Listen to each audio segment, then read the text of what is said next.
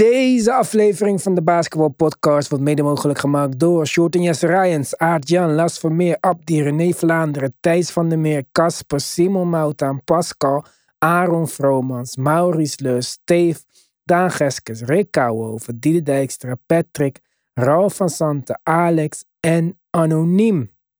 Shout-out naar onze GOATs, Robert Heltjes, Yannick Tjongajong, Wesley Lenting, Tarun en Yannick, Samet Kasic en Myron. We zijn natuurlijk op Apple Podcasts, we zijn op Spotify, we zijn op YouTube. Vind ons daar, volg, like, subscribe.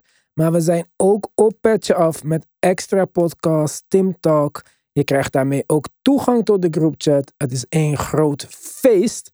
Ga naar de basketbalpodcast.nl en kies voor luister op Petje Af. Join the family, support the movement. Let's go.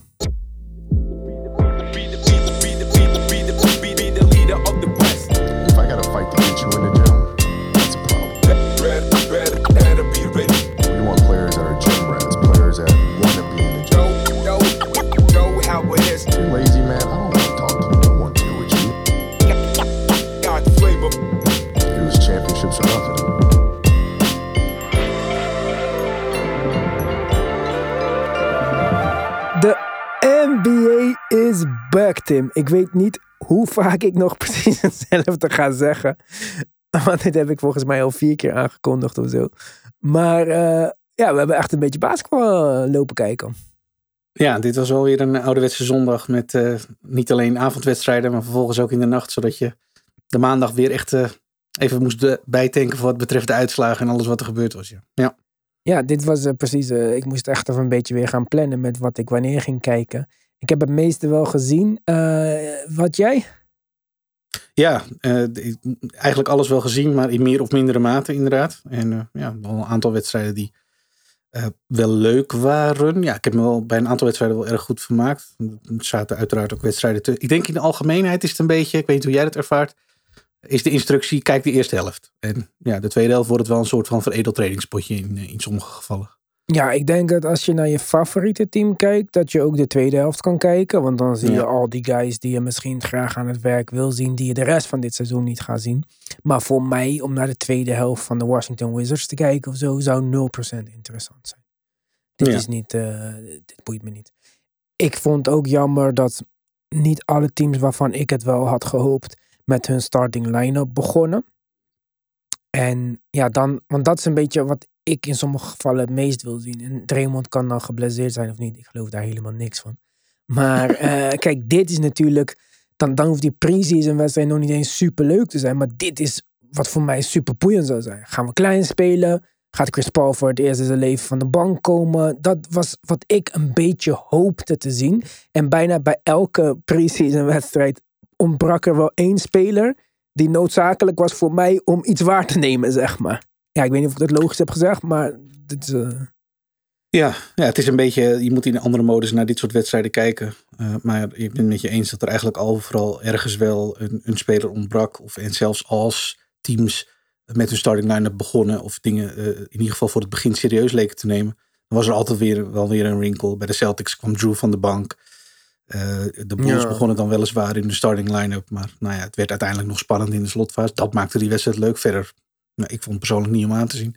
Hmm. Ehm, eh, de Bucks, ja, daar ontbraken natuurlijk een hele hoop eh, spelers bij. Dus het mogen verder duidelijk zijn. Lakers ook. Lakers ook. Ehm, ik vond de Warriors dan nog wel meevallen. Omdat het feit dat Draymond er niet was, zorgde ervoor dat Chris Paul in, in de starting line-up kwam. En dus konden we eigenlijk een blik werpen op ja, wat doet Chris Paul met de rest van die jongens. Dit zou best in, eh, in fases een line-up kunnen zijn.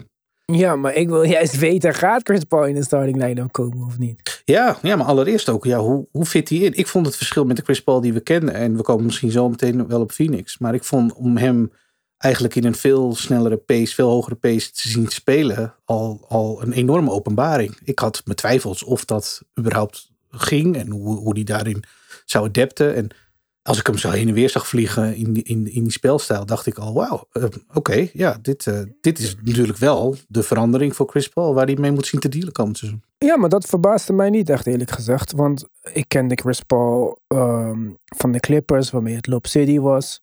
Ik kende Chris Paul die braaf in de hoek ging staan wachten tot hij de bal ging krijgen van James Harden. Ik ken Chris Paul in een three-guard line-up bij de Thunder.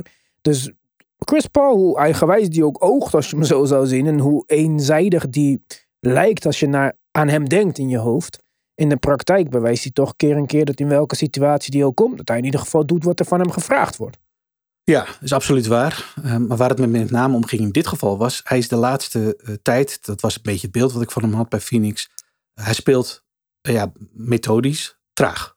Over het algemeen oogt het wat traag. Ik zeg niet dat het zo is, want het is heel doordacht. Hij is natuurlijk een razend intelligente speler.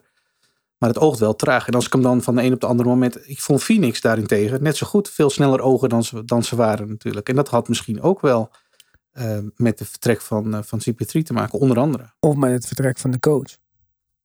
Ja, het zal een beetje een combinatie van. Dat, dat is, dat is heb je Detroit waar. gezien?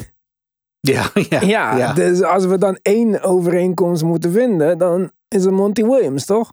Ja, ja, ja, ja, ja, ja, de Pistons, dat was ook wel een uh, verhaal apart. Maar, uh, ja, maar dus nee, dat, ja, dat is het ja. wel. Want uh, precies wat je nou, zegt. Het is, het is, van beide een beetje, denk ik. Maar het viel me absoluut wel op, ja. En ik vond, ik vond het wel leuk om te zien. Ik denk dat hij het goed deed. Maar ik vond wel, ja, wel ik was daar heel benieuwd naar ook.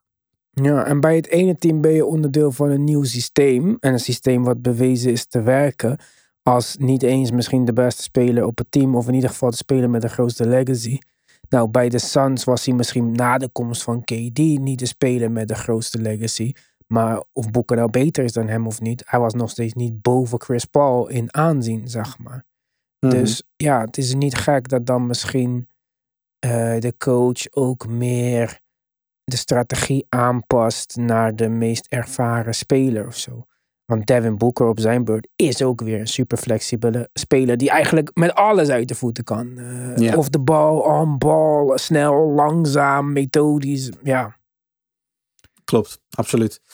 Ja, dat, dat is, en dat is ook wel weer waar. Dus wat dat betreft zijn ze, uh, is het voor beide, in ieder geval voor het neutrale oog, laat het zo maar even noemen, heeft het goed uitgepakt. Want ik vond, ja, ik vond het echt best leuk te zien om, om zo heen en weer te zien rennen bij de Warriors als dat hij als dat deed. En um, ja, Phoenix, uh, daar hebben we het net al over gehad, die ze vloog helemaal uit de startblokken. Dus uh, ja. Ja, in beide gevallen was het wel, wel leuk om te zien, vond ik. Ja, Phoenix moet ik nog een beetje zien. Ik heb niet super veel vertrouwen in dit team. Vertrouwen is gezakt, laat me zo zeggen. Vertrouwen is gezakt op basis van deze wedstrijd? Nee, niet op deze wedstrijd. Deze wedstrijd zag goed uit. Maar ja, Nurkic gaat ook weer geblesseerd zijn de helft van het seizoen. En zo gaan we dat opvangen dan in dit seizoen. Uh, Bradley Beal had een paar schoten raak die hij normaal niet altijd raakt, zeg maar. En hoe, hoe, ja, kijk, hoe gaan de frustraties oplopen als drie sterren uh, de bal. Kijk, drie sterren. Iedereen is bereid om de bal te delen. Iedereen is bereid om aan te passen aan elkaar, zolang je wint. Op het moment dat je niet wint en Bradley Beal neemt een paar schoten die, die je niet prettig vindt, ja, hoe wordt dat dan opgevangen in de kleedkamer? Hoe wordt het opgevangen als er tegen één van de sterren wordt gezegd? Want het kan in de realiteit alle drie zijn. Van hé, hey, ik denk dat jouw schoten een beetje naar achter moeten. Bijna bij alle big threes was er één niet zo big als dat we hadden gedacht van tevoren. En ja. in dit geval is de duidelijke niet zo grote Bradley Beal, toch? Zou je op papier zeggen. Ja, ja. toch? Ja, ja je hebt Boekers team. KD komt erbij. Een van de beste scores ever. Ja, ja, ja. Maar Bradley ja. Beal heeft ook gewoon rustig seizoenen 30 punten geaveraged. Ja.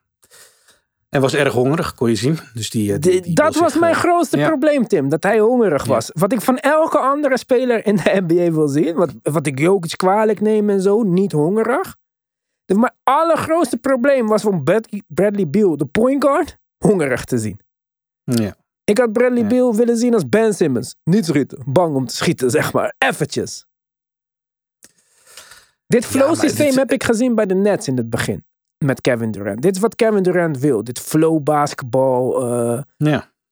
Maar dat, dat, dat werkt alleen zolang het goed gaat. Zo gauw het tegen zit, is er geen oplossing ook. Geloof mij, dit, dit gaat niet blijven. Dat is mijn nee, dat is dat.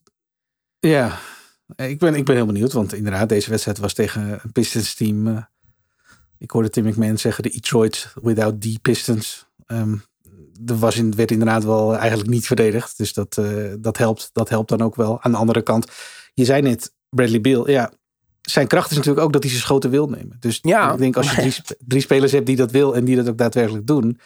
Ja, dan dat is natuurlijk ook wel een beetje waar je voor je getekend hebt toen je hem, toen je hem binnenhaalde. Ja, maar als Bradley Beal niet in de Chris Bosh, Kevin Love, fit-in of fit-out mode gaat, dan eh, gaat het niet werken.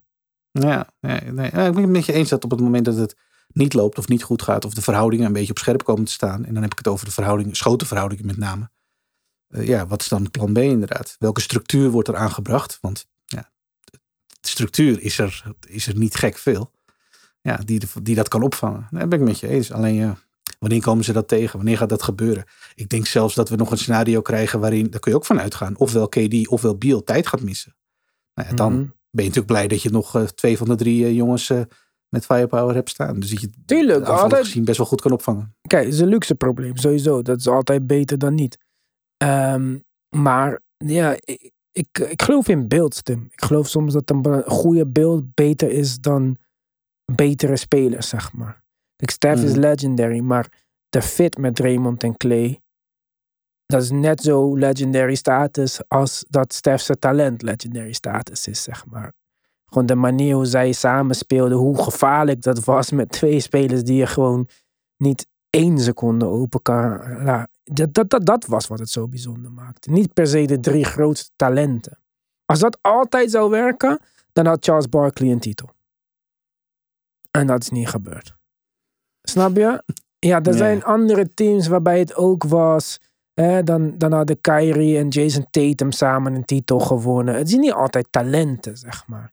En dat hebben we weer gezien. Nogmaals, preseason met Kyrie en Luca. Wat, ik heb je al eh, berichten gestuurd. Dit eh 0% heb ik enige vorm van vertrouwen gegeven. Ik had vertrouwen.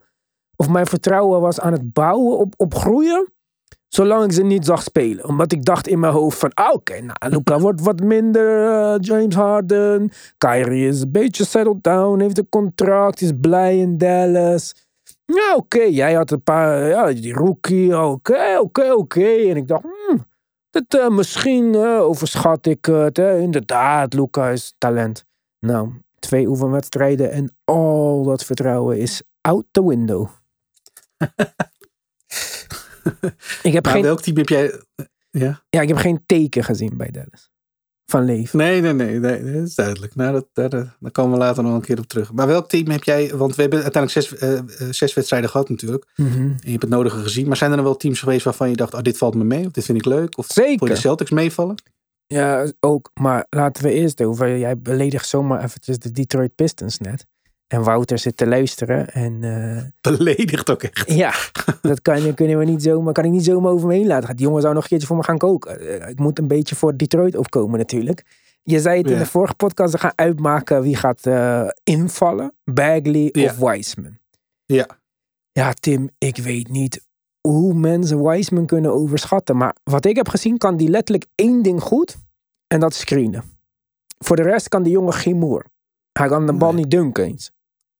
En Bagley Ja, maakte gebruik goed. van zijn kans. Ja, maar- zeker weten. En Kate heb ik ook met twee. Ik weet dat Wouter echt hij is op Kate Cunningham. En ik weet dat hij talentvol is. En ik heb mooie dingen gezien. Maar ik weet niet of hij een leider is. Twee dingen die ik positief vond. Eentje weet ik niet eens of ik goed zit. Eh Jaden Ivy kwam van de bank. Ja, Alec. Burke startte. Ik weet Ja. niet of er iets met Ivy was. Maar dit is wat ik de hele zomer heb gezegd. Ivy moet van de bank komen. Als Ivy niet van de bank komt, gaat het niet werken. Dus ik dat zag ze, het en ik moest daaraan denken. ja, klopt. dat ze een shooter starten. Oké, goed. Je hebt me geluisterd. Misschien niet naar mij, maar iemand anders. Maar ze snappen in ieder geval. Dat, dat is positief. Ten tweede. Agressieve Killian Hayes. Ja, ja, ja. Hij was vet goed. Eén drie punten genomen, oké. Maar de rest, hij ging agressief naar de basket. Zijn passing is echt elite gewoon. Ik kan niet anders zeggen.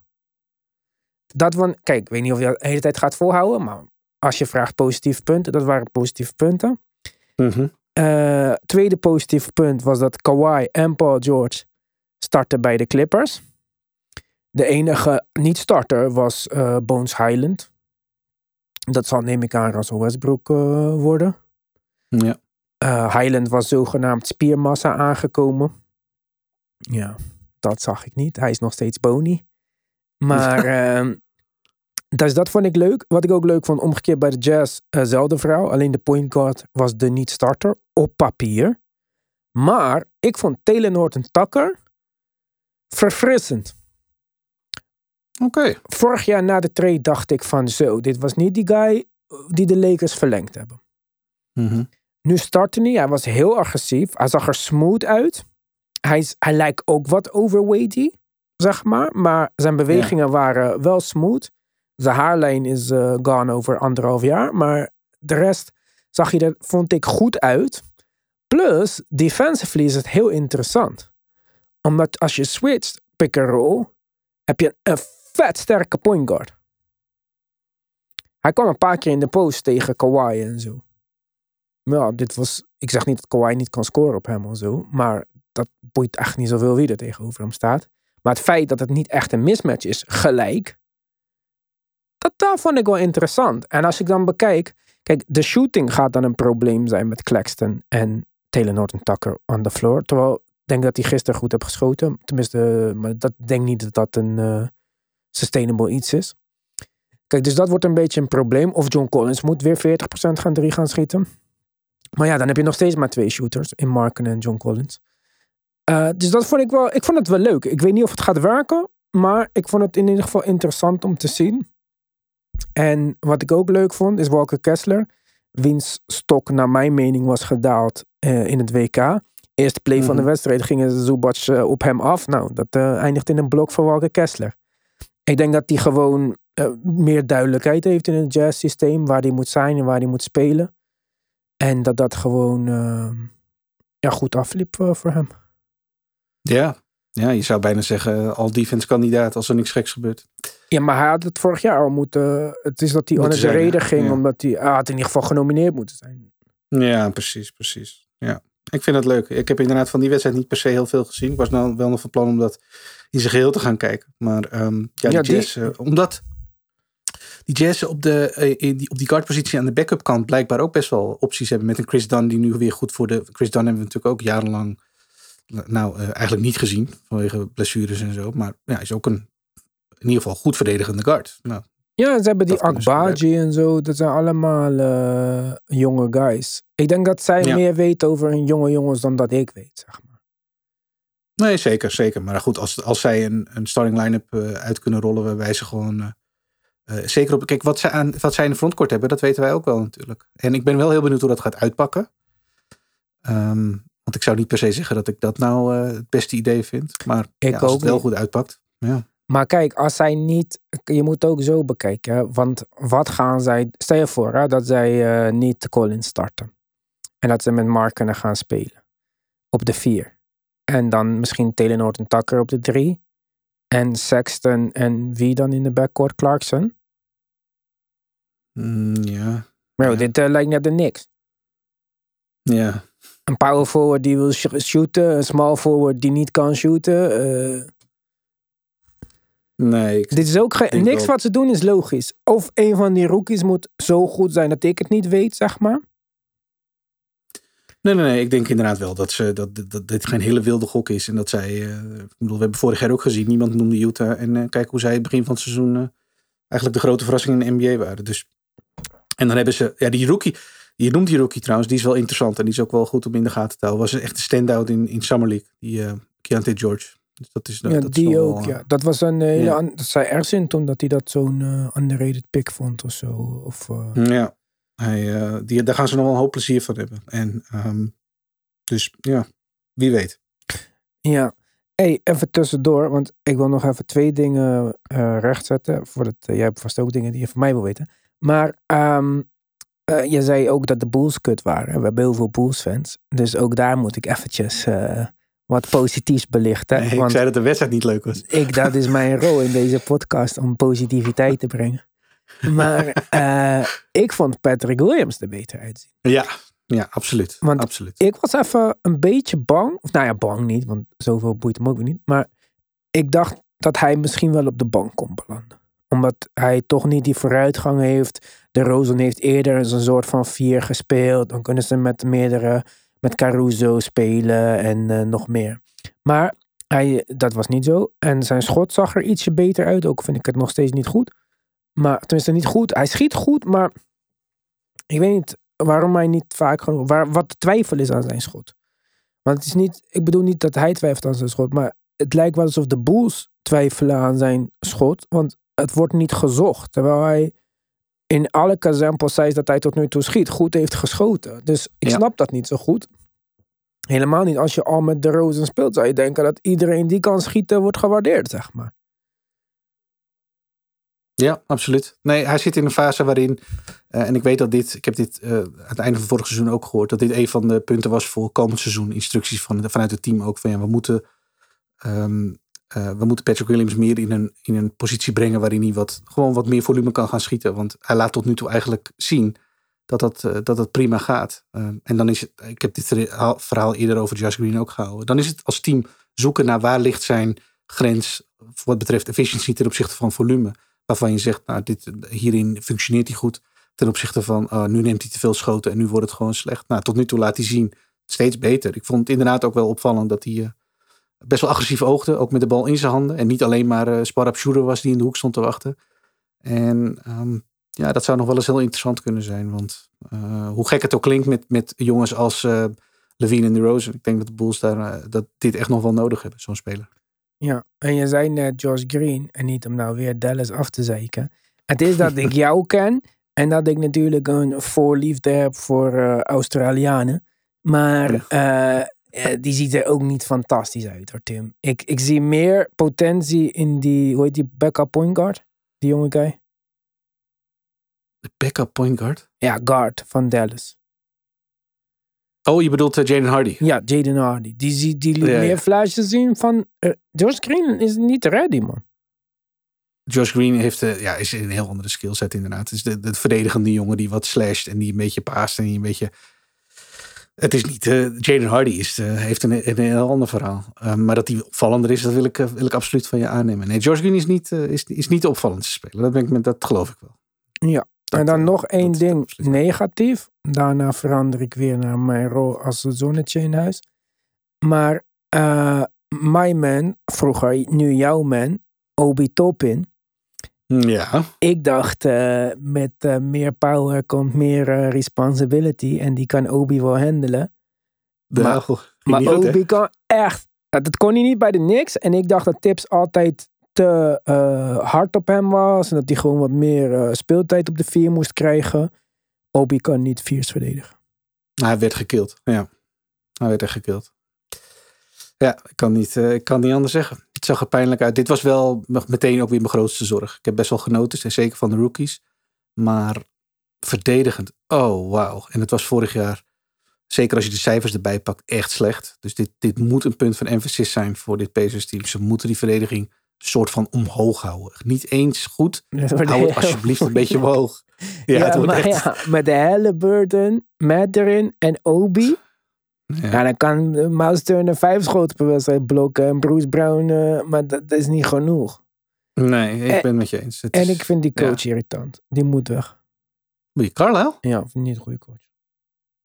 Wat, vertel, wat, hoe kom je erbij? Nou, dat uh, vind ik gewoon. Net als iedereen oh. deze dagen mag ik ook soms een mening hebben zonder enige onderbouwing. Oké, okay, nee, oké. Okay. Uh, ja, nee, ja.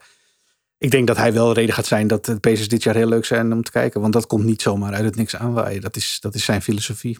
Um, snel spel, veel schieten. En dat is waar de precieze spelers uitzoekt. Maar dat verdedigende blijft een probleem. En ik vind dat met Carlisle blijft dat bijzonder. Omdat zijn geschiedenis eigenlijk ligt in de jaren 2000 heeft hij altijd teams onder zich gehad. En waar is hij ook groot geworden bij teams die verdedigend altijd echt goed waren. Dus ja, dit is een man die, die net zo goed gewerkt heeft in omgevingen waar defense heel hoog in, uh, in, op het lijstje stond. En ook heel goed werd uitgevoerd. Dus mm. ja, misschien is het een filosofie dingetje. Maar ja, ik hou me hard vast. Ik hoop echt dat, hier een, dat dit ja, team een klein, klein beetje kan gaan verdedigen. Want oef, anders wordt het, uh, dan kun je nog zo leuk aanvallen. Maar dan ga je geen wedstrijden winnen. Ja. Vertel mij, wat heb jij? Uh... Nou, ik wil het uiteraard nog even met je hebben over de Celtics tegen de Sixers. Want ja, ja, dat was nog toch wel de wedstrijd van, van de zondagavond, zondagnacht. Nou ja, um, Dak Dak was er niet bij, toch? Nee, nee, oké. Okay. Maar genoeg spelers om naar uit te kijken, toch? Ja. Hoe de Porzingis het, hoe de Drew het, hoe deed Tijdens Maxi het. De, de, ja. ja, ja. Ik vond de meest, ja, nee, de meest positieve vond ik Porzingis. En ik denk dat ik heb even nagedacht, want vorige keer zei ik ook van ja, ik, ik eh, hoop wel dat het Derek White en Drew wordt met Porzingis op de vijf en niet Horford, Porzingis en Drew. En daar blijf ik bij, want ik denk, hey, Derek White was misschien al iets underrated of zo, zeg maar, maar hij, speelt, hij is, lijkt nog beter. Dat, eh, hij heeft niet voor niks zijn hoofd kaal geschoren. Hij, eh, Hij is echt goed. Het is primetime. En eh, hij is misschien net zo goed. Nou, net is overdreven om te zeggen. Maar hij is ook een goede verdedigende guard. Net als Drew. Hij is all defense caliber. En hij was de blockleader in guards vorig jaar. Ja, maar eh, wat hij ook goed doet, beter dan Drew, is eh, geen turnovers maken. Want Mhm. Drew is gewoon niet echt een point guard. Hij, ja, Nee. En dat, on- ja, dat heb ik ook overschat hoor. Ik zag dat zijn turnover ratio is echt bizar hoog. Er is bijna niemand in de NBA met zoveel turnovers als Drew per zoveel possessions. Hm. Dus dat vond ik wel positief. Ja, niet dat Drew van de bank moet blijven komen. Maar toen ik zag van oké, Derek White. Ja, met Derek White als de point guard. Met deze extra spacing van Kristaps Porzingis. Die nog... Kijk, ik zei wel van ja, Horford schiet toch ook 40% van drie. Ja, het is toch ietsje anders als die guy 7-3 is. En eh, echt niet twijfelt om te schieten, zeg maar. Ja. En het lijkt er ook op dat Porzingis een beetje door heeft dat hij niet de number one optie is, zeg maar. Wat hij niet altijd in het verleden helemaal goed snapte. Dus dat allemaal vond ik heel positief eh, voor, voor Boston. En ehm, ja, Horford van de bank. Dan binnenkort. Mhm. Ja. Mm, Ja, dat moet ik even kijken of dat eh, het is niet voor elke speler makkelijk om aan te passen van eh, warm aan de wedstrijd beginnen van naar koud van de bank. Maar in theorie denk ik dat Horford dat moet kunnen. Dus het wordt interessant als, eh, als ze allemaal fit blijven. Van Jalen Brown best wel goed. Waar hele grappige beelden opgetrokken. Van dat hij probeerde te dribbelen met zijn linkerhand. Wat helemaal fout ging. Ja. Maar eh, ja, dat zag er wel leuk uit. Het is in ieder geval iets interessants. En dat vind ik wel leuk aan Brad Stevens. Als we kijken naar zijn speel. Of eh, naar zijn speel. Naar zijn coachcarrière. Tot aan zijn GM-carrière. Die man is volgens mij nog niet eens 45. Maar eh, hij is al eh, zeven keer geswitcht van stijl. Nou, dat vind ik eh, positief. Ja, en eh, heeft eh, misschien wel de drukste offseason achter de rug. Want net eh, afgelopen, nou wat zal het zijn, zondag, zaterdag. Ik weet niet eens wanneer het eh, nieuws naar buiten kwam. Peter Pritchard ook maar verlengd. Ja, wat was het? 30 miljoen. Ja. ja, dat weet ik niet. zo Zeven- goed. 7,5 gemiddeld. Eh, het rare is dat die jongen natuurlijk vorig jaar min of meer eh, uit de rotatie viel op een gegeven moment. Ja. Daar ook eh, niet blij mee was. En hintte op een trade request die er uiteindelijk natuurlijk niet kwam. Het ligt altijd, Ja. ongetwijfeld altijd genuanceerder. Nou, dat blijkt nu dat heel anders te liggen. Super positief. Mazula was heel positief over hem. En hij heeft contractverlenging getekend. En was de beste speler van de wedstrijd. Dus ja. Ja, maar kijk, als Brok, Brogdon- als eh, Holiday en Derek White starten, ja, dan zouden er Ja. ook meer backup minuten voor hem moeten komen, zeg maar. Zeker, En- is de verwachting. Ja, wat hij kan natuurlijk ook juist heel goed naast Holiday spelen. Dus ja, dat, dat, ik zie de, de situatie zeker positiever voor hem. En dat kan nog wel eens een koopje worden voor Boston als hij eh, ja, beter gaat spelen of eh, beter gaat, nog beter gaat schieten of hetzelfde blijft schieten, whatever. Ja, ja, een goede backup point guard of een productieve, laten we dan zomaar noemen, voor 7,5 gemiddeld per jaar. Ja, dat is echt In de perfect. NBA dus niks. Ja, en Ja. daarom, ik verwacht wel meer rotatieminuten van hem. Want ik denk toch dat er tijden zijn. Ik denk niet dat ze alle minuten gaan staggeren van. eh, ik, denk niet dat, ik denk niet dat Boston Drew en Derek White gaat staggeren. Zoals Dallas, eh Luca en Kyrie gaan staggeren. Nee, nee, nee, zeker niet. Dat lijkt me, lijkt me bijna onverstandig. Ik weet ook niet of we. Eh, Het zou natuurlijk interessant kunnen zijn als je Drew van de bank ziet komen. Maar uiteindelijk weet je toch dat hij zal closen. Dus ja, wat is dan een beetje. de Ja, maar hij gaat starten. Hij gaat starten. Ja, ik vind. Ja, ja de, de, de backward eh, white eh, holiday vind ik een absolute.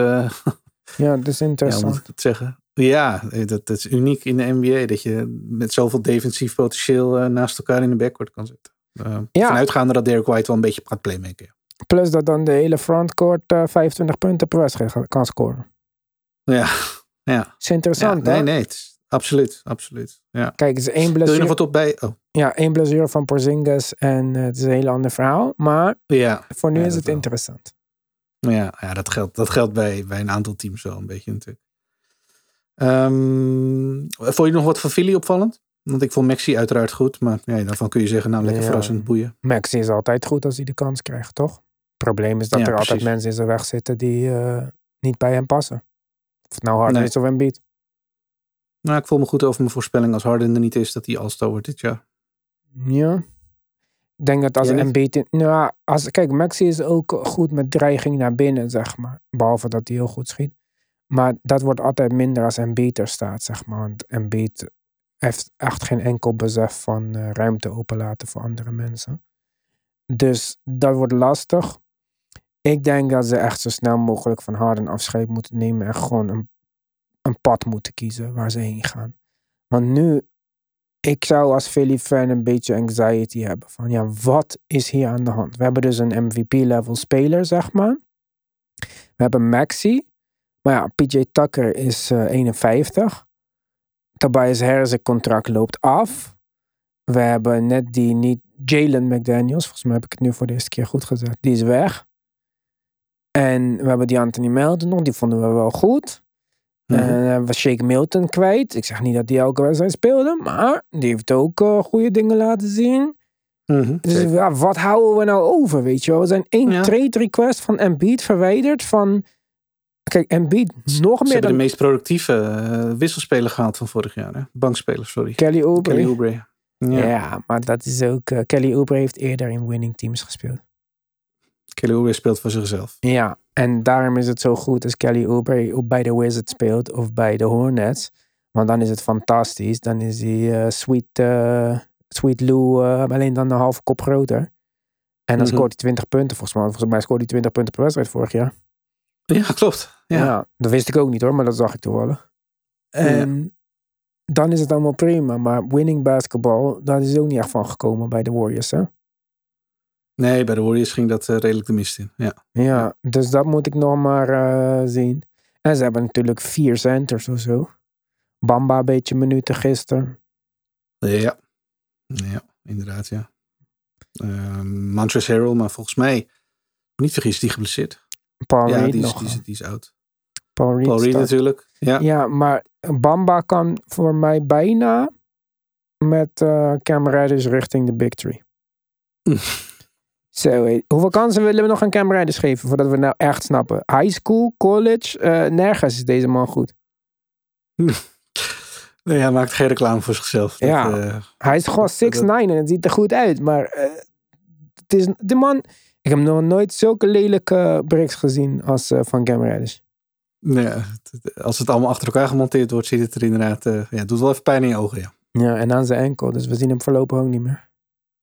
Nee, ik weet niet hoe zwaar de blessure was inderdaad. Maar hij had wel even last. Ik hoop Nou. dat hij niet al te lang eh, oud is. Een mooi excuus om hem niet te spelen, zou ik zeggen. Verwacht sowieso niet eh, per se heel veel minuten voor hem. Ja, kijk, eh, die eeuwige doorbraak laat op zich wachten natuurlijk.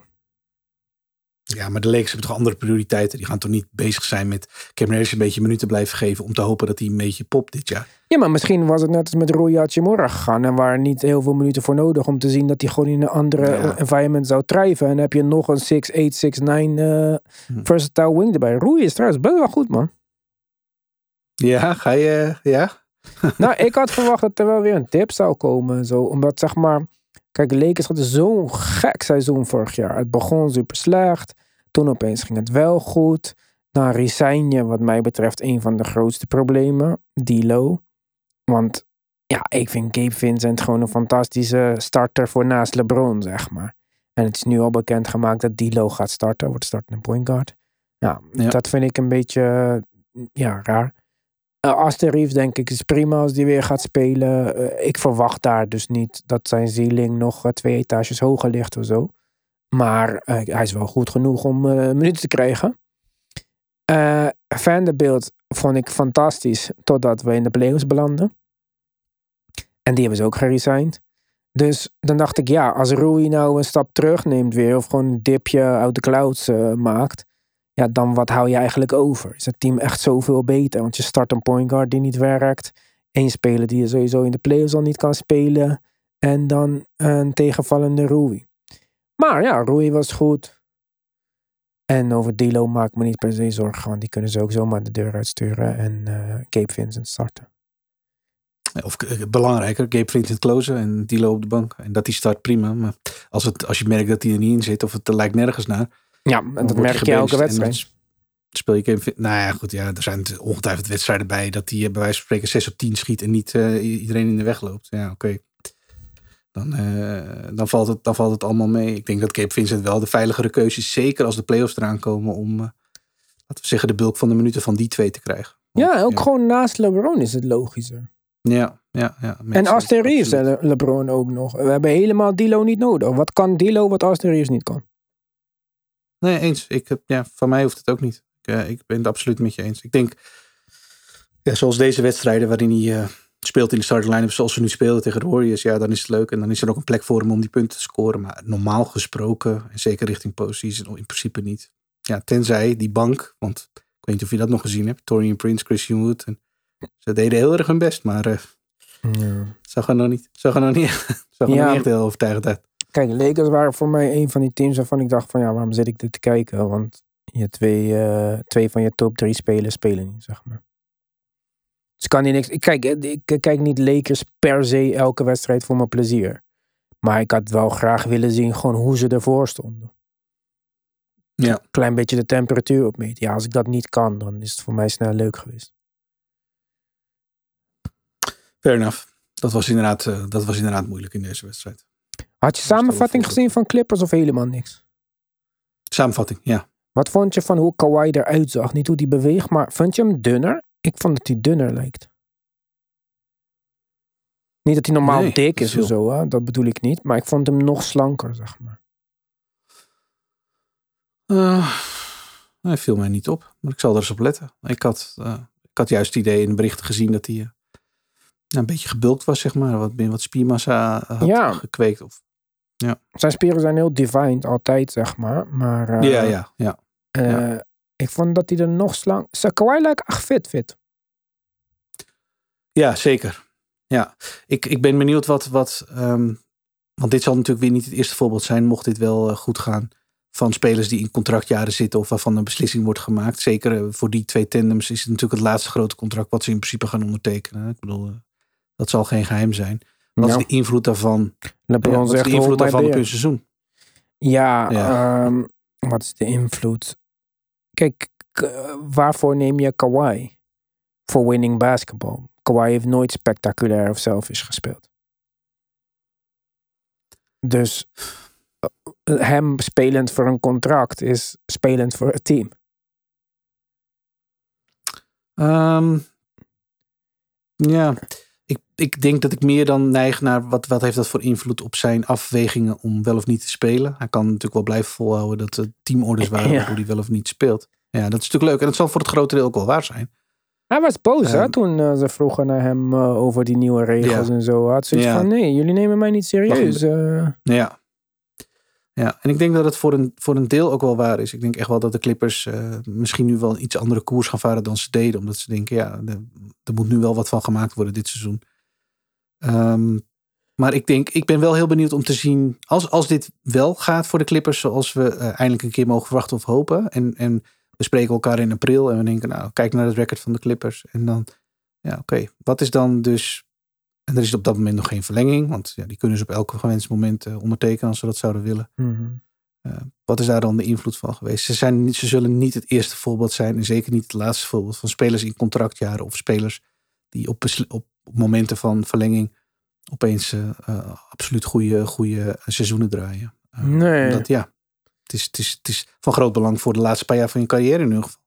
Ja, ik denk, kijk, misschien ben ik een Kawhi stan of zo, hè, maar uh, de laatste keer dat ik hem zag in de playoffs zat hij niet in een contractjaar en toen ging hij gewoon spelen om de playoffs te winnen en toen speelde hij Ster van de Hemel met een gescheurde ja, ja. Uh, meniscus. Dus, meniscus, ja. En, maar dat was de playoffs. En, en, en maar ik ben juist benieuwd bij Kawhi naar de rest van het seizoen. Want uh, Tyloo heeft al in eerdere fases direct aangegeven... we gaan dit reguliere seizoen iets anders benaderen dan dat we voorheen deden. Daarvan Serieuzer zeggen, bedoelt hij dan toch, of niet? Serieuzer, ja. ja het krijgt iets meer prioriteit. Mm -hmm. um, en uh, ja, dat, en, en, nogmaals, daarvan kun je vinden wat je vindt. Ja, we, we zullen wel zien wat daarvan terecht komt. Maar als blijkt wel dat, dat de jongens fitter zijn dan ooit of beter zijn dan ooit. Of, uh, en, en de Clippers uh, nou ja, poppen een beetje, kunnen eindelijk een beetje naar hun potentie spelen.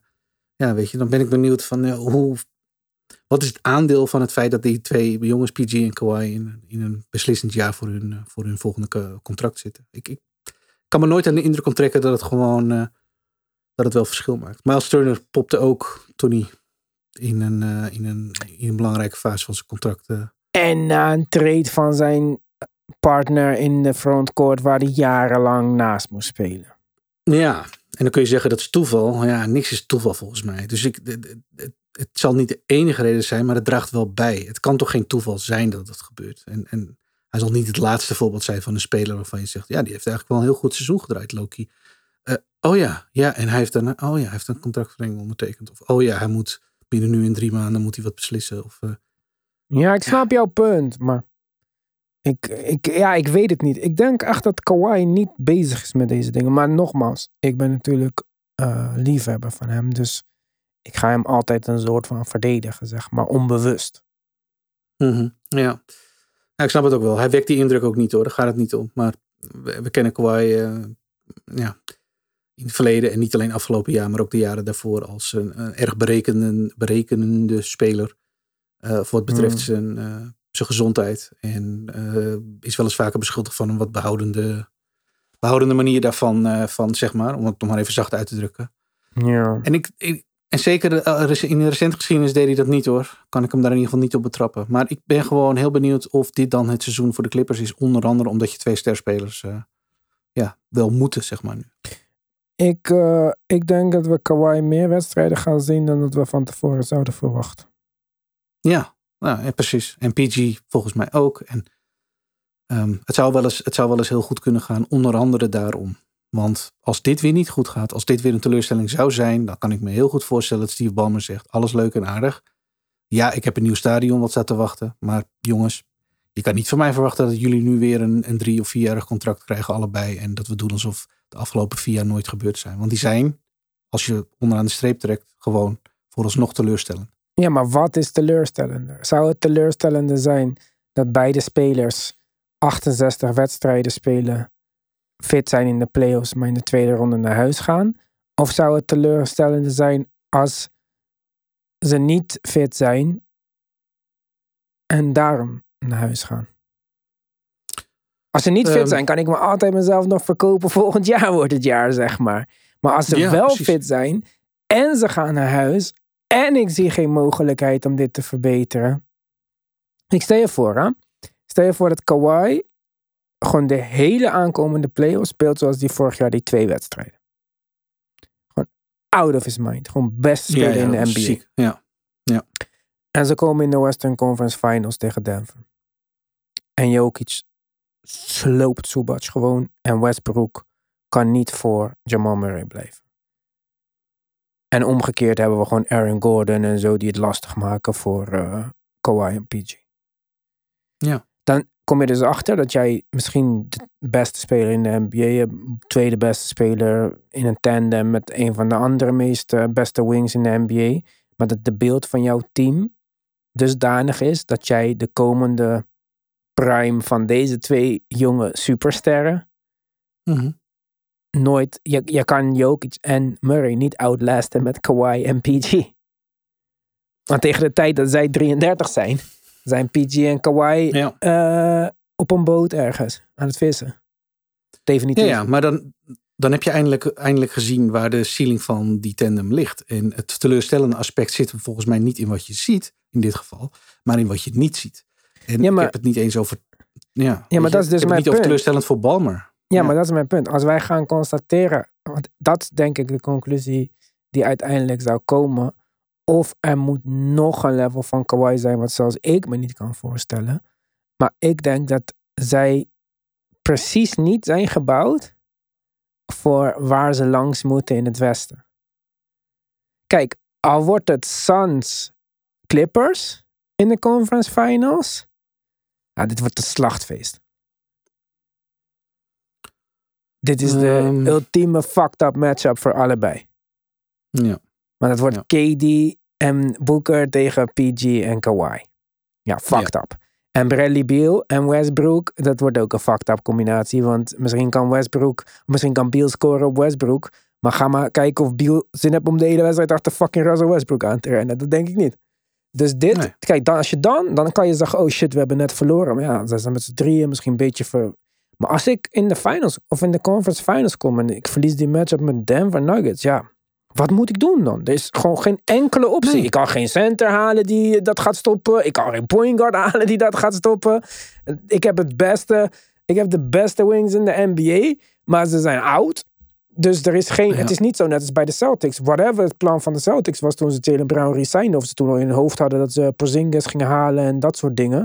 Ik weet niet eens of dat in die volgorde was gebeurd, maar whatever. Je hebt altijd leeftijd. Je denkt, hé, hey, die ene is 26, die andere is 25. Ook al zijn we de volgende vier jaar niet competitive, hebben we nog vijf jaar hierna, zeg maar. Ja, en dat Ja. is precies wat de Clippers niet hebben. Dus als het niet dit jaar gebeurt en ze zijn allebei fit, ja, dan wat is je plan voor volgend jaar? Kijk, zij, ik, ik denk dat in het Westen uiteindelijk, ja, misschien gaan de Suns hot zijn, zeg maar. Maar het zou dan ook de eerste keer zijn dat een net bij elkaar geraapt team alles gaat winnen. Dit, dit gebeurt meestal niet, simpelweg. Zelfs eh, met Mhm. LeBron en Dwayne Wade en zo is het niet gebeurd. Dus eh, waarom zou het gebeuren met Kevin Durant en Booker en eh, Bradley Beal? Dus de, ik denk dat jouw grootste probleem. Ik denk dat het enige echte probleem in het Westen is. Waar elk team over na moet denken, is hoe komen we langs de Nuggets? Dat is het enige Ja. probleem waar je over na hoeft te denken. Ja, maar ik denk in alle redelijkheid, ehm, als het, het scenario zich zou voltrekken wat je net schetste, ik denk echt dat de Clippers dan helemaal niet ontevreden zijn en ook niet mogen zijn. Als Nee. je de geschiedenis van de afgelopen jaren kent, ja, dan is dat. Ja, maar dat is niet. eh, Kijk, ik denk dat je dan niet ontevreden mag zijn. Maar ik denk dat als je nuchter bent, dat je dan moet zeggen: het heeft geen zin om met deze beeld verder te gaan. Want Ja. ik kan het nooit zoveel veranderen dat het eh, gaat werken. Ja, Kijk, Ja, Want ja. het maar is. ik zie geen team die gemaakt is om langs de Nuggets te gaan. Dat is het volgende. nou, de. Celtics. Eh, We Ja, hebben. Drew en eh. Derek White Ja. om eh Jamal Murray helemaal in te pakken. We hebben Ja. Jason Tatum om het Michael Porter Jr. lastig te maken. Jalen Brown kunnen we verstoppen op Aaron Gordon. En Jokic kan zijn gang gaan, want dat is toch onmogelijk. Maar omgekeerd Ja. moet hij de perimeter gaan verdedigen tegen Porzingis. nou, oké, fair enough. Dat, is een goede beeld. te- om, om het, ik zeg niet dat ze gaan winnen, maar het is een goede beeld om het op te nemen tegen de Thunder. Ah, tegen Thunder. Nou? Tegen de- Tegen de Nuggets. Nuggets. Dus dat is een goede beeld. Oké. Ja, dat is waar. Ehm, ja, interessant. Ehm, met, name, met name voor de Clippers. Want ehm, ja, het is natuurlijk niet zomaar een situatie waarin ze zitten. Dat hele stadion en de afweging daar komt er natuurlijk nog bij. Dat is normaal gesproken niet iets waar je mee bezig hoeft te zijn in je lange termijn planning. Maar nu Ja. Dus dan wordt het waarschijnlijk, oké, we hebben een conference finals team, dus we gaan het maar verder houden. Want ja, we kunnen niet nu in een nieuw stadion gaan zeggen, we gaan rebuilden.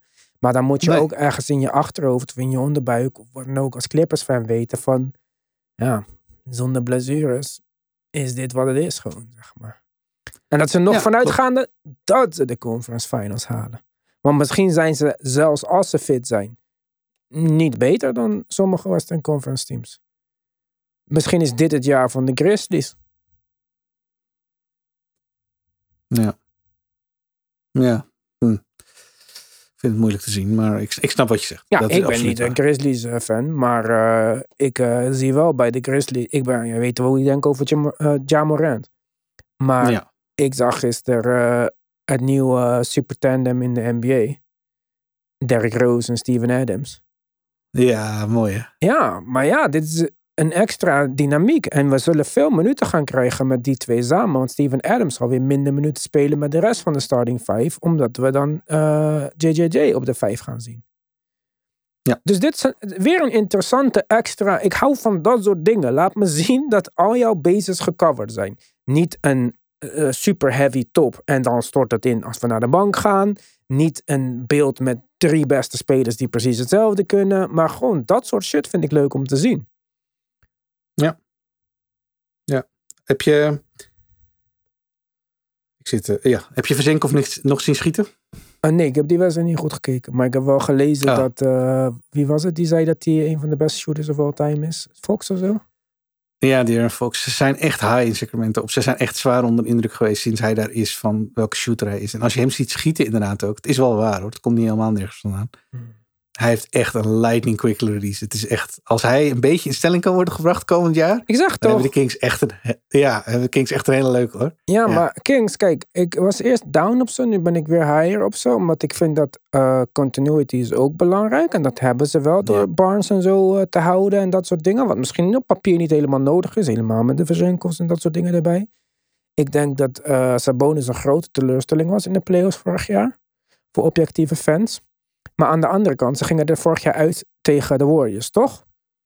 Dit Ja. is een team waar ze vorig jaar heel slechte matchup mee hadden. Super veel ervaring, jong team, hele andere. eh, maar denk eens na over dit. Hè? Dan sluit ik dan de afzending. afzending.